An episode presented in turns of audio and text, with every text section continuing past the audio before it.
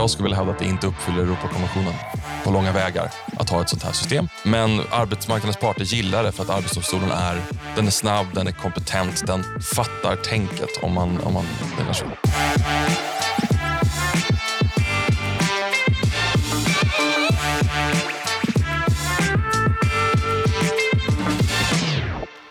Du lyssnar på Ekonomerna med mig, John Norell och idag tillsammans med min kollega här på Timbro, Adam Danieli. Hur är läget?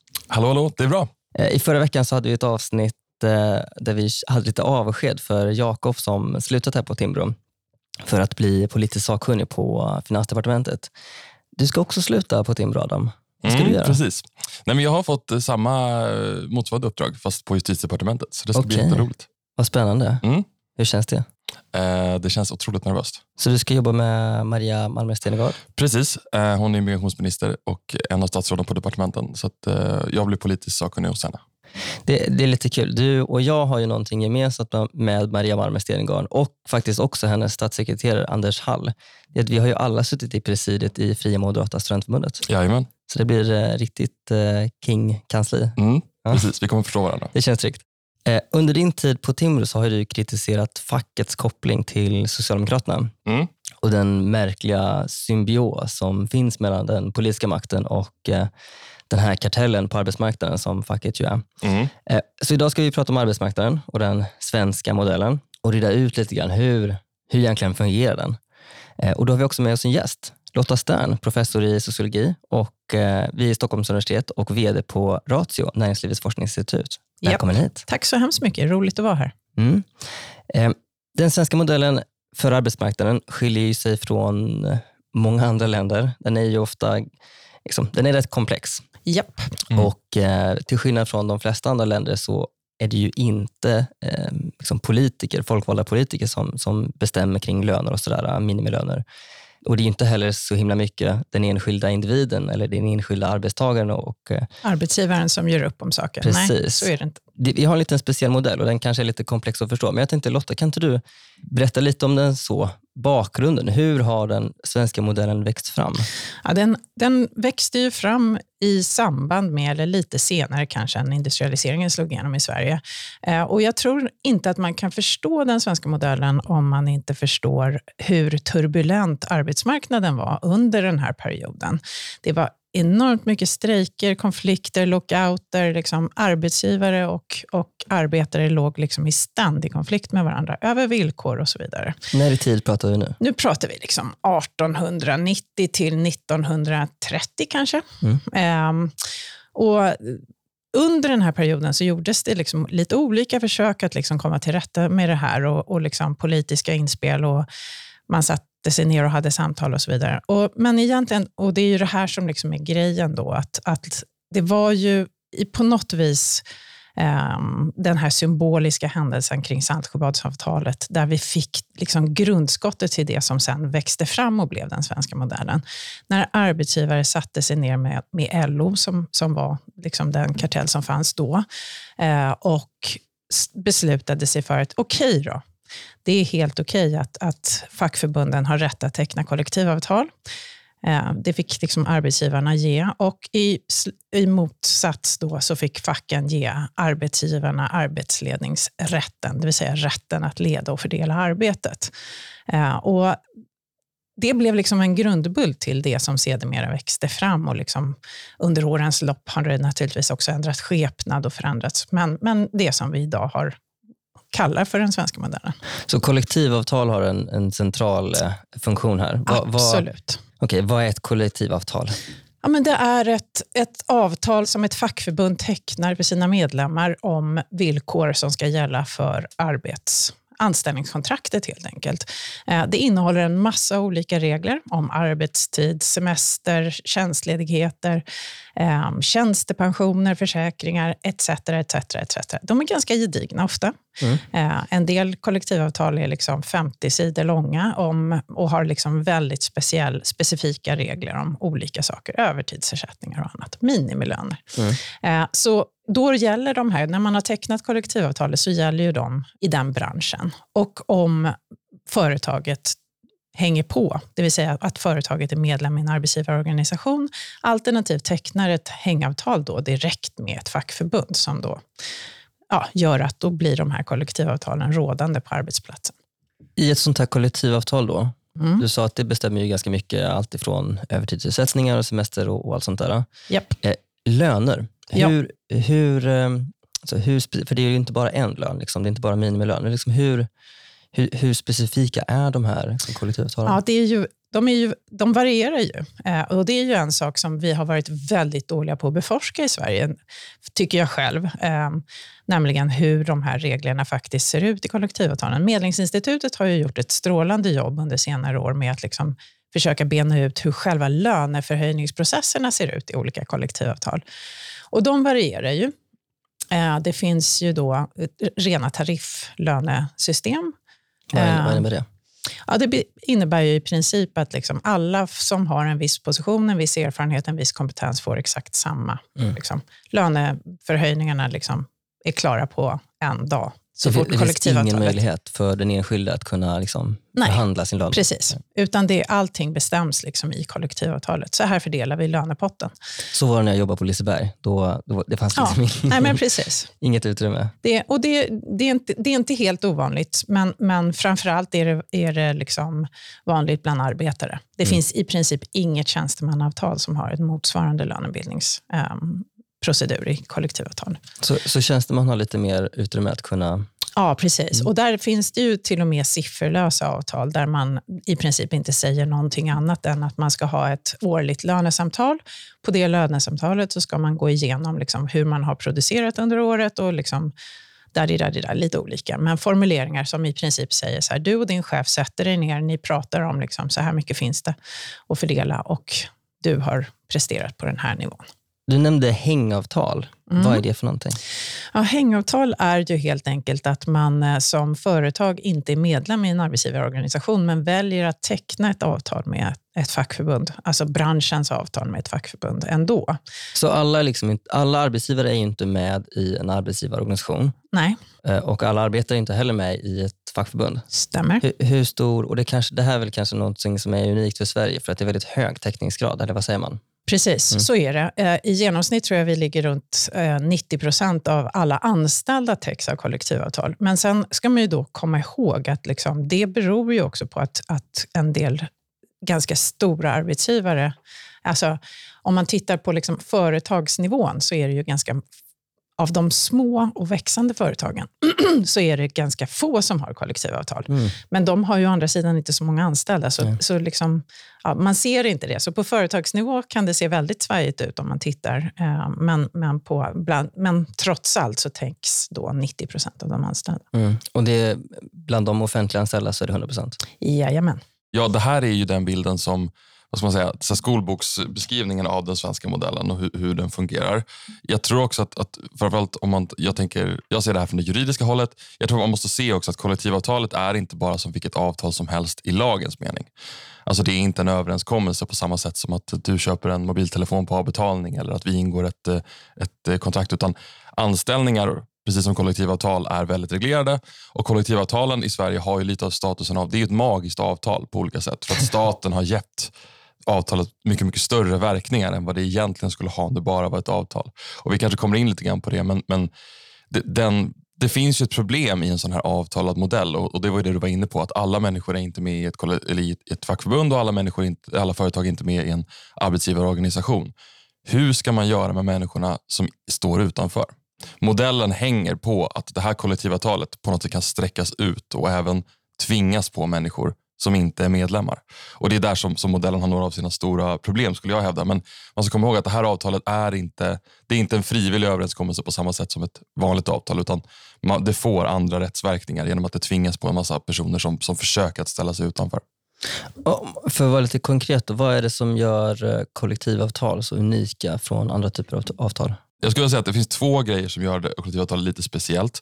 Och det första är att man, man tillåter när det kommer till eh, kollektivavtal att man avtalar bort vissa lagparagrafer. Så att huvudregeln är att vissa lagar gäller för en anställning eller för en, för en arbetsplats. Men fack och arbetsgivare har möjlighet att i ett, just ett kollektivavtal frångå ganska många av de reglerna. Så att det är så att säga det är ett avtal som sitter någonstans mitt emellan alltså ibland kan det trumfa eh, lagstiftade regler. Och Det här är ju någonting som har växt fram i praxis, vad som går att eh, avtala bort och sådär. Och, och, det finns även i det står även i, i, i, de grundläggande lagarna på arbetsmarknaden om vilka som går att avtala bort på det här sättet. Men det är lite speciellt. Det finns inte så många andra lagar eller så många andra avtal som har det. Kan du ta något exempel? Ja, men ta till exempel att det finns regler om semester. Det är ju lagstiftat. Även om det traditionellt sett har varit en, en fråga för arbetsmarknadens parter att göra upp om hur mycket semester man ska ha, eh, så har semesterlagen införts och successivt gett människor mer och mer semester. Tre veckor, fyra veckor, fem veckor. Eh, och här finns vissa grundregler som man inte kan avtala bort, men i huvudsak så skulle ett, alltså till exempel Svenskt Näringsliv och LO skulle kunna ingå ett avtal som väldigt radikalt ändrar och, och frångår den här lagstiftade rätten till semester. Och Oftast gör man ju det för att motparten då får någonting annat. Så det är liksom mm. ett, lagarna på det här området är, liksom mer, de är mer standardavtal och så kan de här kollektivavtalen trumfa lagstiftningen i vissa fall. Och det andra, det andra speciella är ju att det här också tvingas på människor som inte är eh, anslutna till ett fack eller en, en arbetstagarorganisation. Kollektivavtalet, då tar sig en arbetsgivare eller en arbetsgivarorganisation att tillämpa avtalet gentemot alla andra, även de som inte är medlemmar. Så det är en ganska speciell typ. att vi, Jag och John kan ju inte avtala om att vi ska tillämpa en viss typ av villkor på alla andra personer. Vi skulle mm. kunna försöka, men om det blir effektivt och faktiskt lyckas, ja, då är det ett marknadsmissbruk. Det är en kartellbildning. Eh, och Det här är någonting som, som eh, vi tillåter när det kommer till kollektivavtal. Man får helt enkelt avtal om att även om du inte har någon anställd som är medlemmar i facket på en arbetsplats så kan du åta dig mot facket att tillämpa vissa villkor på alla personer. Och Det är så man så att säga täpper igen hålen som annars skulle bildas i det här, det här systemet. Att arbetsgivarna eh, går med på att tillämpa samma avtal till alla sina anställda. Precis. Men, och, och vad händer om de inte gör det då? Ja, alltså det är så vi, om vi, vi, vi, kanske kommer in på det här med minimilöner, men det är så man håller uppe minimilönerna i, i Sverige. Att även om inte alla personer på en arbetsplats är medlemmar, det kanske inte är någon som är medlem, Eh, så åtar man sig gentemot facket att inte sätta lägre löner än en viss golvnivå. Eh, och Det är så man helt enkelt får en slags minimilönereglering i en bransch. Ofta så är det en, en, en viss bransch som, som de här minimireglerna gäller. Eh, och då så är det helt enkelt så att om, om någon kommer och erbjuder och säger att jag kan jobba för 100 kronor i timmen, Nej, tyvärr. Jag har ett åtagande mot facket att bara betala 130 kronor i timmen. Och Det är för att, för att undvika att facket konkurreras ut av oorganiserade arbetare. Mm. Det är en kartell. ja, på är precis, det är så man sätter liksom marknaden ja, ur spel, att det blir en heltäckande reglering trots att det är i grund och botten så tänker vi oss att det är två privata organisationer. Och Här har vi då två stycken parter, eh, eller ja, förenklat två parter. Vi har, vi har, en kartell på båda sidor. Liksom. Precis. Vad är deras liksom, intressen här? Jag tänker mig att företag de vill ju sänka sina kostnader. Ja. Vad vill facket? De vill höja lönerna. Ja, De vill begränsa utbudet av arbetskraft. Tanken är ju att du sitter på arbetskraft, någonting som arbetsgivarna behöver. Och precis som i alla kartellbildningar så vill du ju begränsa utbudet för att kunna pressa upp den kostnad som arbetsgivaren betalar. Och Det här är ju i grund och botten en liksom marxistisk förståelse av arbetsmarknaden där det handlar om kampen om mervärdet, det vill säga produktionens överskott. Vad, vem ska det tillfalla? Det är ett slags sätt att försöka pressa upp eh, det man måste betala för arbete helt enkelt. Och Då måste man stänga oorganiserade ute för att de, de skulle annars underminera den här, den här modellen. Och om man kollar på, på LO har till exempel ett fackligt löfte som de brukar prata om och det handlar helt enkelt om att om, om alla arbetare i en bransch lovar att inte arbeta för villkor som är sämre än de man har kommit överens om, då måste en arbetsgivare eh, tillmötesgå de kraven. För att det finns mm. ingen annan arbetskraft att tillgå i Sverige. Nu låter det ju som att man måste ha kollektivavtal, men det måste man ju inte. De flesta små företag har det inte, till exempel.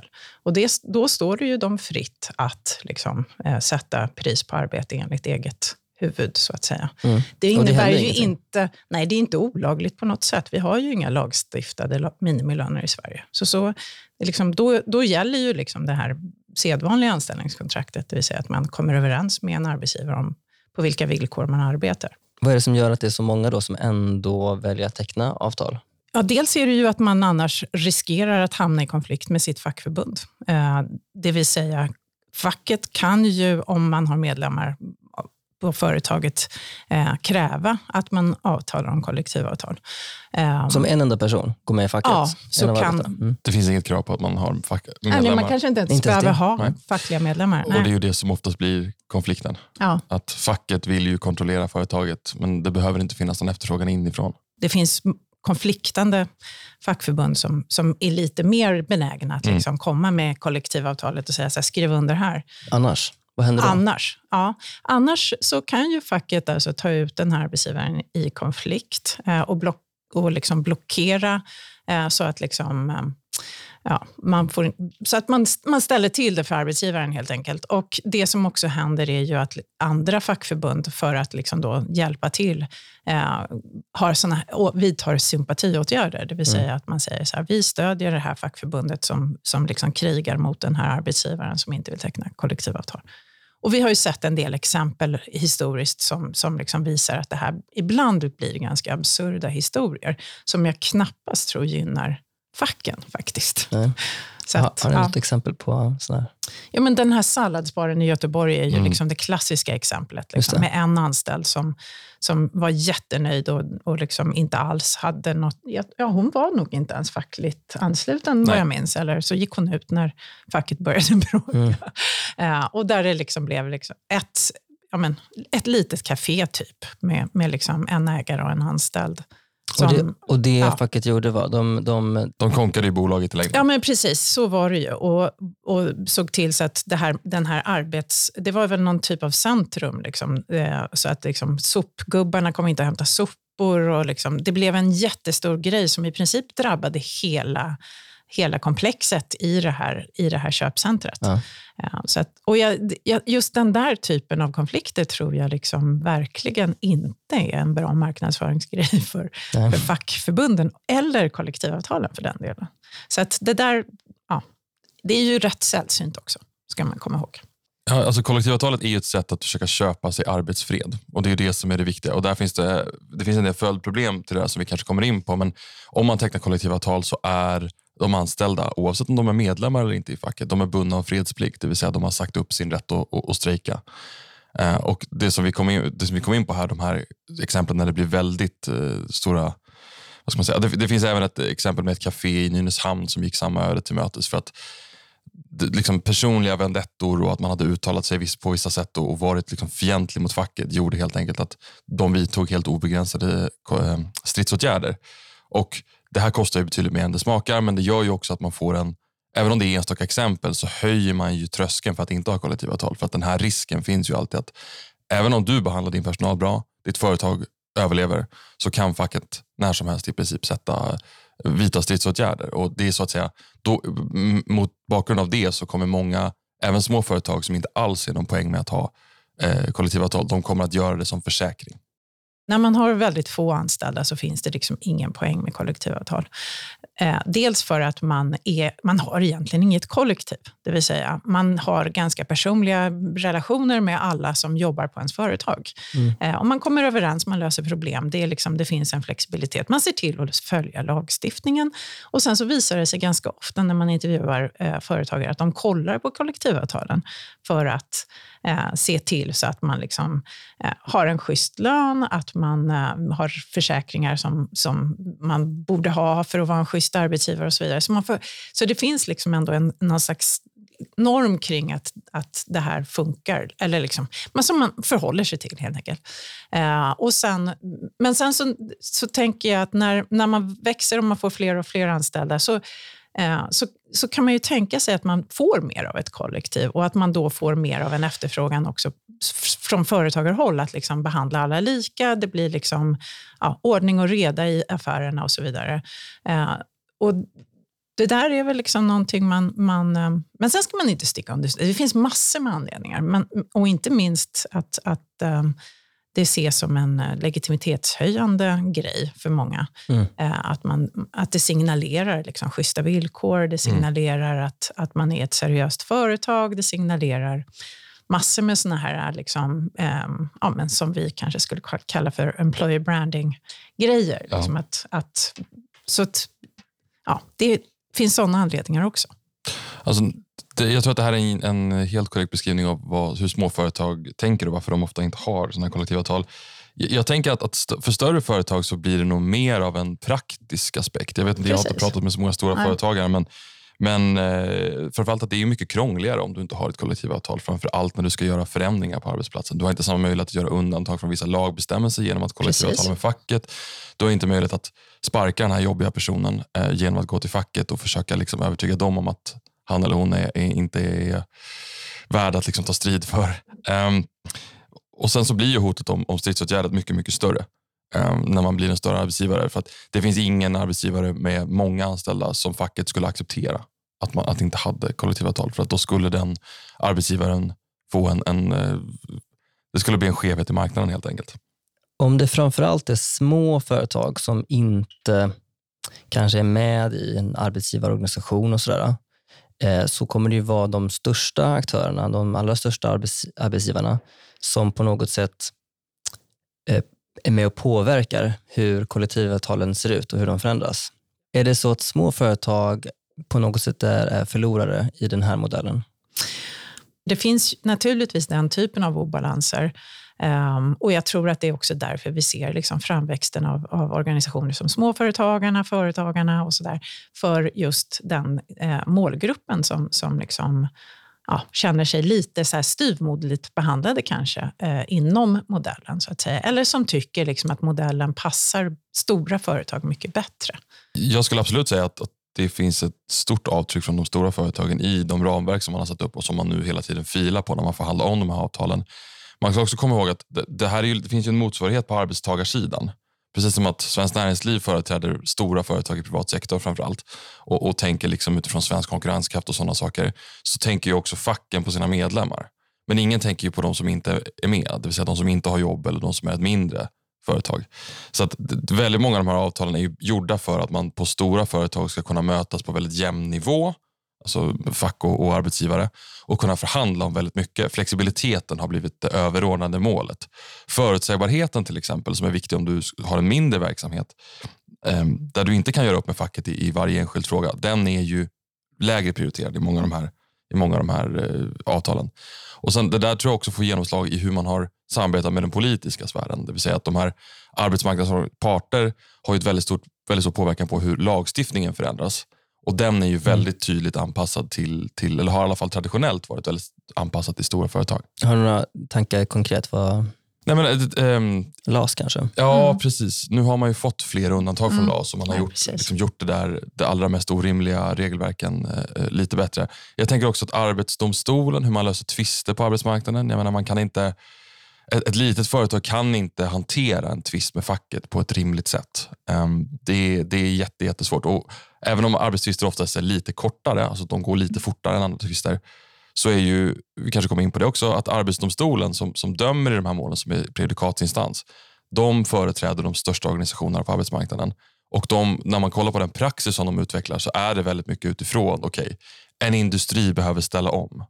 Det är inte så här, ah, här har vi ett startup som vill eh, göra på något speciellt, väldigt komplicerat sätt i ett anställningsavtal. Utan de är väldigt fokuserade på att få till liksom tydliga spelregler för stora företag. Kan, kan du berätta lite mer om eh, hur funkar liksom konflikter i Arbetsmarknadsdomstolen? Mm. Alltså arbetsrätt, jag ser det här från ett juridiskt perspektiv och då är arbetsrätt liksom ett helt eget, det är en helt egen värld. Håller man på med arbetsrätt så håller man oftast inte på med någonting annat.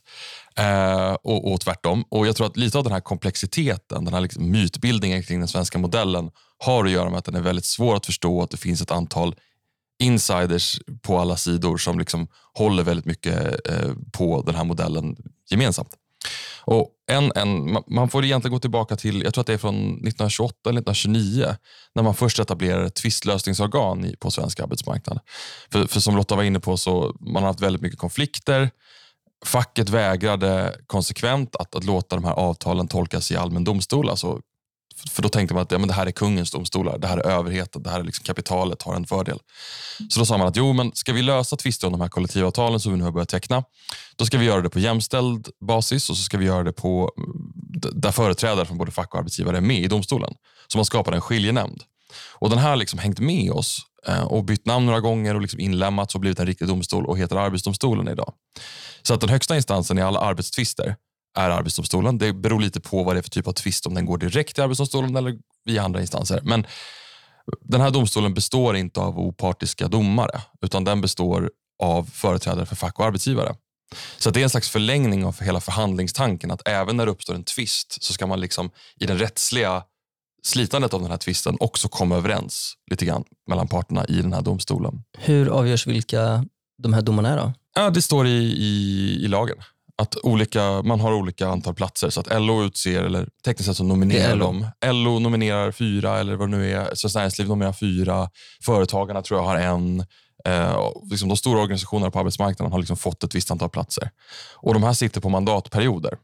Så att det är inte som i vanliga fall där man tänker att domare ska sitta eh, i princip obegränsad tid, utan man, man får en treårigt förordnande att vara domare i Arbetsdomstolen.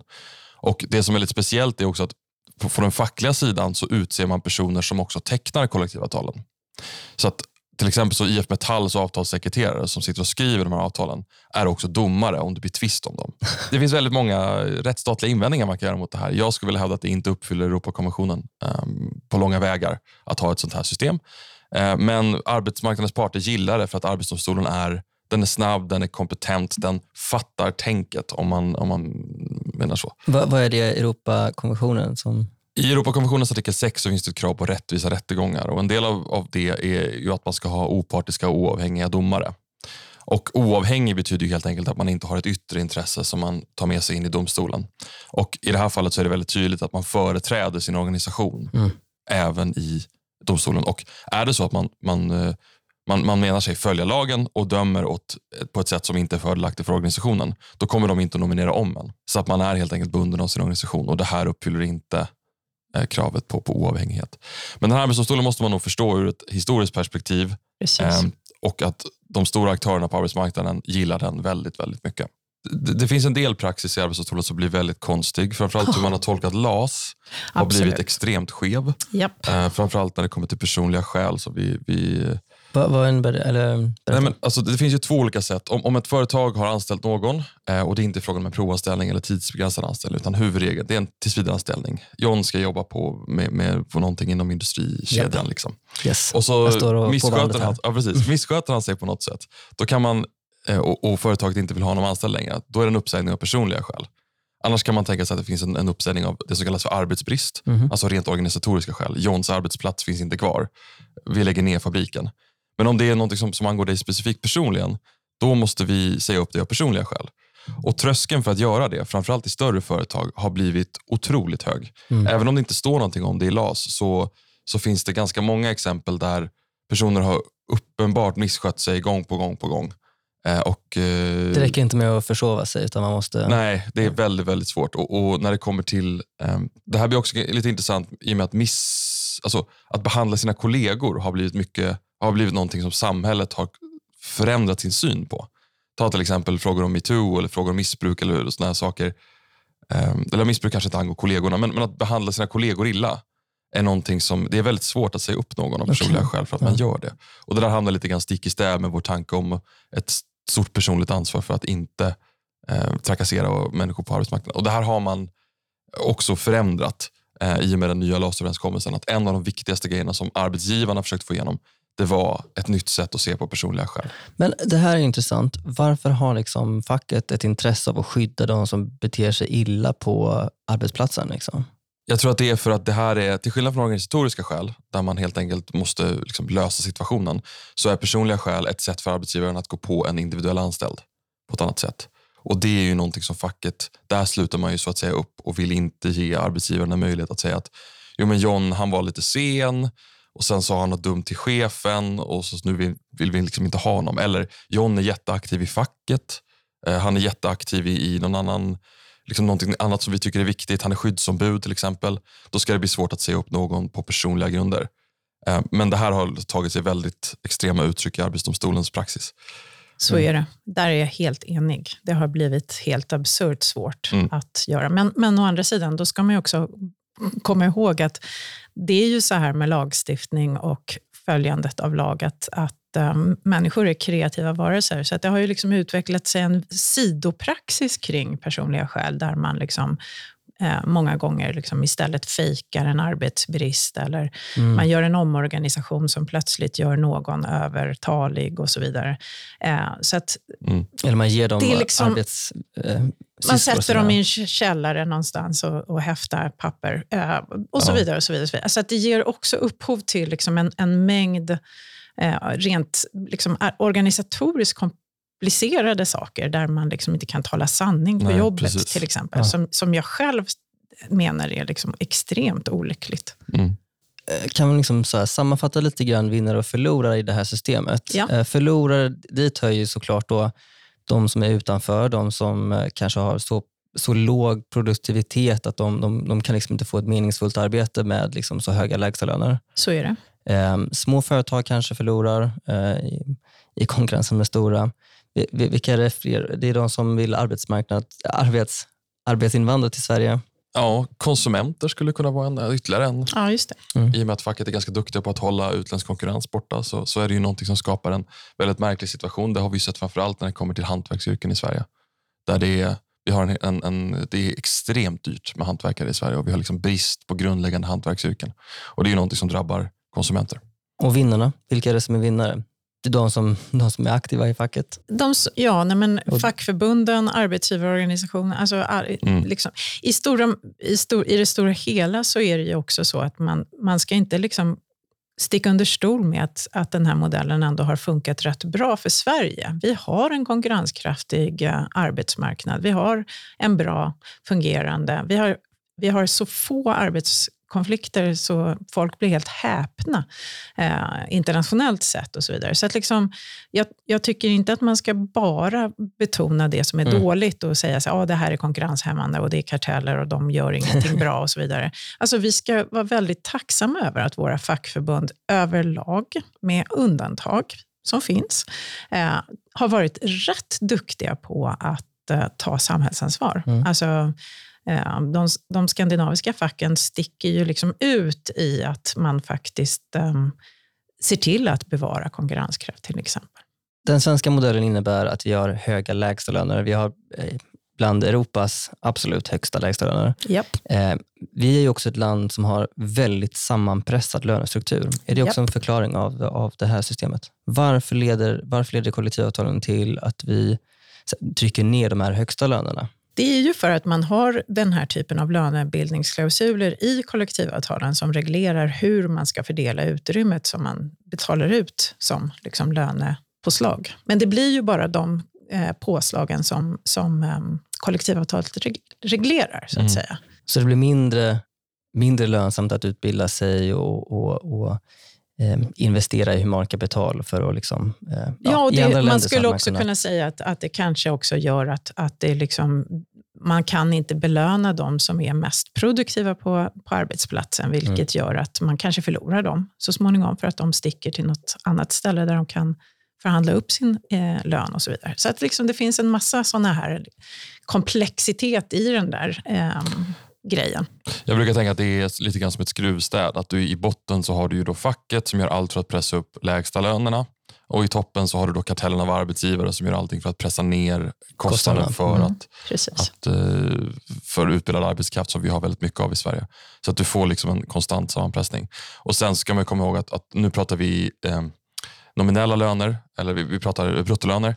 Eh, sen så lägger vi på ett, ett väldigt progressivt skattesystem på det där som gör att du får ännu mindre löneutveckling i, i faktiskt disponibel inkomst. Vi är också ett land av, av liksom jämlikhetsdårar. Liksom. Så är det. Vi, vi liksom ogillar, vi ogillar för stora skillnader. Liksom. Det skaver i den svenska folksjälen på något vis.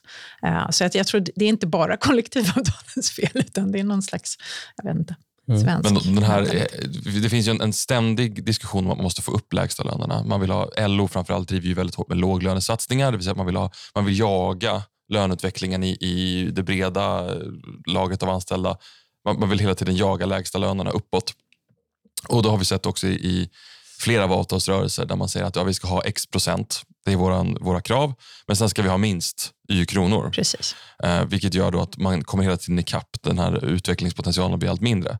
Och Sen så finns det ju en märklig idé. I och med att vi inte har minimilöner så är det ju faktiskt inte produktivitet som avgör vad du har för lön på, på ett visst eh, arbete. Utan Det kan ju vara så att personen som sitter i kassan på IKEA har en lön och sen så personen som serverar korv efter kassan har en annan lön. För att de omfattas av olika kollektivavtal. Handels har ett väldigt fördelaktigt kollektivavtal av historiska skäl. Medan hotell och restaurang har kanske de lägsta. Vilket gör att man kan tjäna väldigt, väldigt olika på att göra saker som är i princip jämförbara när det kommer till, till kompetens och produktivitet. Och Det där är ju något som snedvrider väldigt mycket av marknaden. Ska, du, ska man ha en minimilön utifrån det liksom ekonomiska, teoretiska perspektivet, då ska det ju vara en minimilön som gäller alla för att du ska få arbetskraft där det behövs som, som, eh, som mest. Så som typ det beslutas i de allra flesta länder där man har statligt eh, eh tvingande lagstiftning för minimilöner? Ja, eller det, alltså det här är ju en, man målar ju ut de här polerna som väldigt antingen eller. I många andra länder så har man ju hybridsystem. I Norge till exempel så, så, alltså, så förklarar man eh, så allmänförklarar man kollektivavtal. Det vill säga de blir en lagstiftning som alla ska göra. Och det, det har vi indirekt i Sverige genom att kollektivavtalen tillämpas genom olika om och men på alla anställda i princip. Annars, så blir det, eh, annars kommer facket att, komma.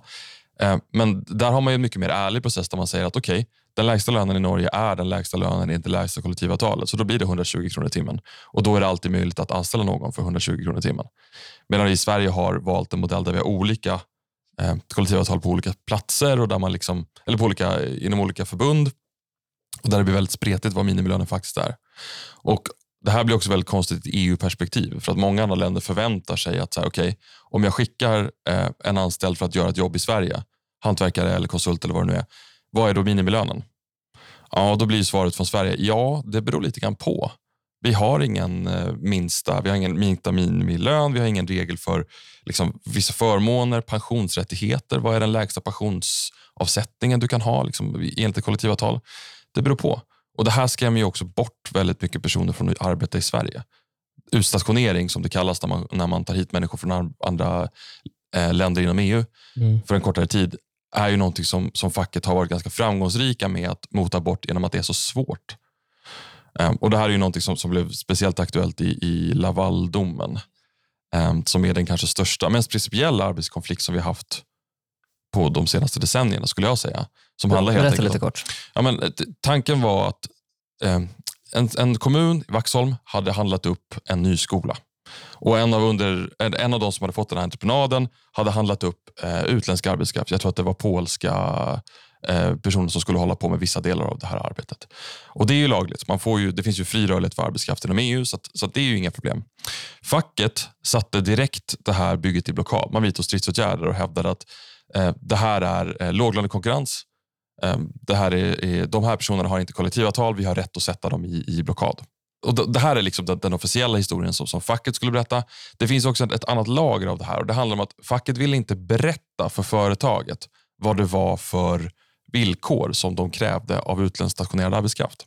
Så att facket sa så här, så arbetsgivaren kunde inte få reda på okay, men vad är det för löner ni, ni vill att vi ska sätta. Vad är det för förmåner som gör att ni då skulle godta den här mm. utstationeringen? Och Då sa facket, vi kommer inte säga någonting. Utan det får ni förhandla. Så att hela tanken var helt enkelt att du skulle skrämma bort genom att göra det så otydligt och svårt att utstationera arbetskraft i Sverige. Och Det här blev en jättestor konflikt och det gick upp till EU-domstolen. Eh, och Nu har vi en speciell lagstiftning kring när svenska arbetstagarorganisationer kan vidta stridsåtgärder mot utländsk stationerad arbetskraft. Och Det handlar om, om um, vissa kärnområden inom kollektivavtalen som man kan vidta stridsåtgärder kring. Eh, och Då har vi nästan fått den här allmänförklaringen som finns i andra länder. Där man helt enkelt säger att det finns en hård kärna i kollektivavtalen som du måste uppfylla. Men om du uppfyller de grundläggande kraven i ett svenskt kollektivavtal, då är du så att säga skyddad från stridsåtgärder från ett svenskt fack. Och Det här tycker fackförbunden är fruktansvärt. Och även Socialdemokraterna går alltid till val på att riva upp lex Laval och säga att jo, jo, men ni ska kunna vidta precis lika obegränsade stridsåtgärder mot utländska stationerade arbetstagare som ni kan göra mot eh, svenska företag.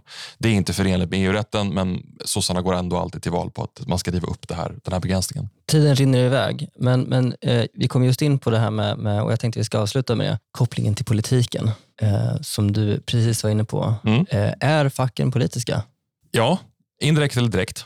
Eh, LO är en socialdemokratisk organisation. Eh, TCO har väldigt nära kopplingar till Socialdemokraterna. Alla TCO-ordförandena i modern tid har varit socialdemokrater och man har även varit, haft statsråd och tjänstemän i varje socialdemokratisk regering. Så att LO och TCO är väldigt nära kopplade. Saco är mer politiskt obundna. Sen finns det olika förbund inom ramen för de här centralorganisationerna som är mer eller mindre radikala och mer eller mindre politiska. Eh, och längst till vänster finns några, några LO-förbund som bland annat driver finansierar Katalys som ju är en, en vänstertankesmedja. Är det här ett problem då? Ja, det skulle jag säga. Alltså, hela arbetsmarknaden är en korporativistisk struktur. Eh, och korporativism är ju liksom en idé om att politisk makt inte bara ska utövas av folkvalda eller politiker som är ansvariga inför hela folket utan att man också ska kunna ge speciella organisationer makt över den offentliga eh, myndighetsutövningen. Eh, och jag skulle säga att det finns ett väldigt stort problem i att Socialdemokraterna har ett så nära koppling till de här fackförbunden som också åtar sig nästan myndighetsuppgifter i många fall. Och Det här ger också Socialdemokraterna väldigt mycket strategiska fördelar. Och En, en sån fråga som kommer att bli aktuell framöver tror jag, det är ju när LO utesluter personer som har fel politisk åsikt. Mm. För den svenska modellen fordrar ju att ja, men, man har ett hög anslutningsgrad på respektive sida och så har vi arbetsfred utifrån det. Om fackförbunden slutar representera vissa arbetstagare av politiska skäl, då bryter ju... Typ Sverigedemokrater? Precis, i vanliga fall. Det kan ju vara ännu mer radikala grupper. Historiskt har det varit, framförallt varit eh, trotskister och liksom vänster ytterkantsmedlemmar. Om man vägrar representera dem, ja, då lämnar man ju dem helt rättslösa i ett system som bygger på att organisationerna, inte staten, ger dig rättigheter. Så att jag skulle säga att det här är ett jättestort problem. Sen finns det så mer direkta kopplingar. LO pumpar in väldigt mycket pengar i Socialdemokraterna. Eh, man Kampanjer. arbetar, ja men mm. precis. Mm, och spelar så att säga både, vi ska både vara en part som stiftar lag och representerar alla och har en offentlig maktposition i Sverige och så ska vi vara stöd till Socialdemokraterna. Och det där går inte riktigt ihop. Det kommer nog att lösa sig över tid, tänker jag. Det är Nej, väldigt, men jag håller med. Det är en väldigt svenska modellen-tanke. Vi, vi, vi, vi, får, vi får prata vi om det här. Oss ner. Ja, Precis. Jo, men så känner jag. jag. Och mm. jag måste säga att jag känner likadant med minimilönerna. Eh, jag ser ju hellre att det är parterna som får liksom, um, göra upp om det här än att staten gör det, så att säga. Men, Av men, den enkla anledningen att, att liksom det blir ytterligare en, en sak man kan förhandla om, helt men, enkelt. Och anpassa efter branschnivå. Mm. Mm. Ja, branschnivån. Alltså det, det, är väl, det är ganska konstigt att ha minimilöner utifrån vad man gör. Jag tänker att ska vi ha minimilön så borde det ju vara en minimilön för arbete i Sverige. Men, men så här, hur ska man, vem, ska då, vem är ansvarig för att det är så svårt för framförallt nyanlända och personer som, är, har liksom, som saknar gymnasieexamen att komma in på arbetsmarknaden? Är det politiker? Det, ska jag gå till Svenskt Näringsliv och säga att jag tycker att det är jätte... Att, att vi stänger ute en, ett par procent? Absolut. Jag tycker båda ska ta sitt ansvar. Ja, så att jag, nej men jag håller med om att det här inte är ett fantastiskt, eh, en fantastisk aspekt av den svenska modellen, men jag är inte helt säker på att, att liksom, eh, låta EU stifta minimilöner är ett, liksom, ett bättre alternativ, nej. givet hur systemet fungerar. Därför att man lyfter bort då en förhandlings... Alltså man försvagar den svenska modellens mandat. Eh, och jag, jag är nog av den uppfattningen, för, för att det här ska fungera så behöver man ha det här liksom förhandlingsmandatet. Uh, för att om vi undergräver det mer och mer så blir det till slut, slut helt ointressant. Och då kanske det växer fram någonting annat istället. Jag säger inte att det här liksom måste vara evigheten amen, men, men jag, säger, jag tror att man måste förstå liksom, vad de här, ja, man måste förstå liksom lite grann hur den här dynamiken ser ut för att liksom inte undergräva den utan att fatta att man gör det, så att säga. Det har blivit dags att avsluta den här podden. Eh, men först Lotta, du är ju VD på Ratio, Näringslivets eh, forskningsinstitut. Kan du berätta lite kort om er verksamhet? Ja, vi är ju ett tvärvetenskapligt eh, forskningsinstitut som framför allt fokuserar på hur man ska stärka och förbättra svensk näringsliv. Och då menar jag inte organisationen utan näringslivet i största allmänhet. Eh, genom att forska om frågor som handlar om till exempel arbetsmarknad, konkurrenskraft, hållbarhet. Eh, så att vi försöker bidra till att, att liksom, eh, komma med ett perspektiv ur ett utifrån ett tvärvetenskapligt liksom, förhållningssätt. Och att också beforska frågor som ingen annan riktigt forskar om. Mm. Till exempel om kollektivavtal eller AD-domar och sånt där. Och ni tar också emot studenter varje termin som eh, praktikanter? Så är det. Mm. Eh, varje termin tar vi emot eh, ungefär två. Eh, mer mäktar vi liksom inte riktigt med. Men vi tar två praktikanter som då får delta i forskningsarbetet under terminen. Eller delar av terminen beroende på hur praktikkursen är utformad. Mm. Vi har också sommarassistenter som är ännu mer fantastiskt, tycker jag. Um, och Det är ju då framförallt masterstudenter som är lite nyfikna på forskningsbanan som sommarjobbar under sex veckor och ja, tillsammans med en seniorforskare. Mm. Ja, jag har gjort båda grejerna. Ja, så att, eh, Vilket var bäst? eh, oj, det kommer jag inte riktigt till. Nej. Det var, båda var It's all väldigt a blur. Men jag fortsatte ju liksom att gå in på forskningsbanan, så det var ju Bra betyg. i alla Ja, fall. jo, men det är fantastiskt roligt faktiskt. Så att om man, om man eh, studerar eh, nationalekonomi, sociologi, statsvetenskap, Ekonomisk historia. Vi, Ja. Just nu har vi en arbetsrättspraktikant som är skitkul att, ha, att göra med. Mm. Mm. Att, och är nyfiken på forskning, så Mm. ett tips till den som lyssnar. definitivt. Tusen tack för att du var med i podden Lotta. Tack själv. Det var Och- väldigt roligt att prata arbetsmarknad. Och tack Adam för din tid på Timrå. Tack så mycket. Du kommer vara saknad. Du har lyssnat på Ekonomerna, en podd från tankesmedjan Timbro med mig, John Norell. Om du gillar det här avsnittet, se till att prenumerera på oss i din poddapp och tipsa om podden för dina vänner och bekanta. Följ oss även på sociala medier. Vi heter Ekonomerna podd på Twitter och på Instagram. Ekonomerna är en podd som kommer ut varje torsdag. Tack för att du har lyssnat.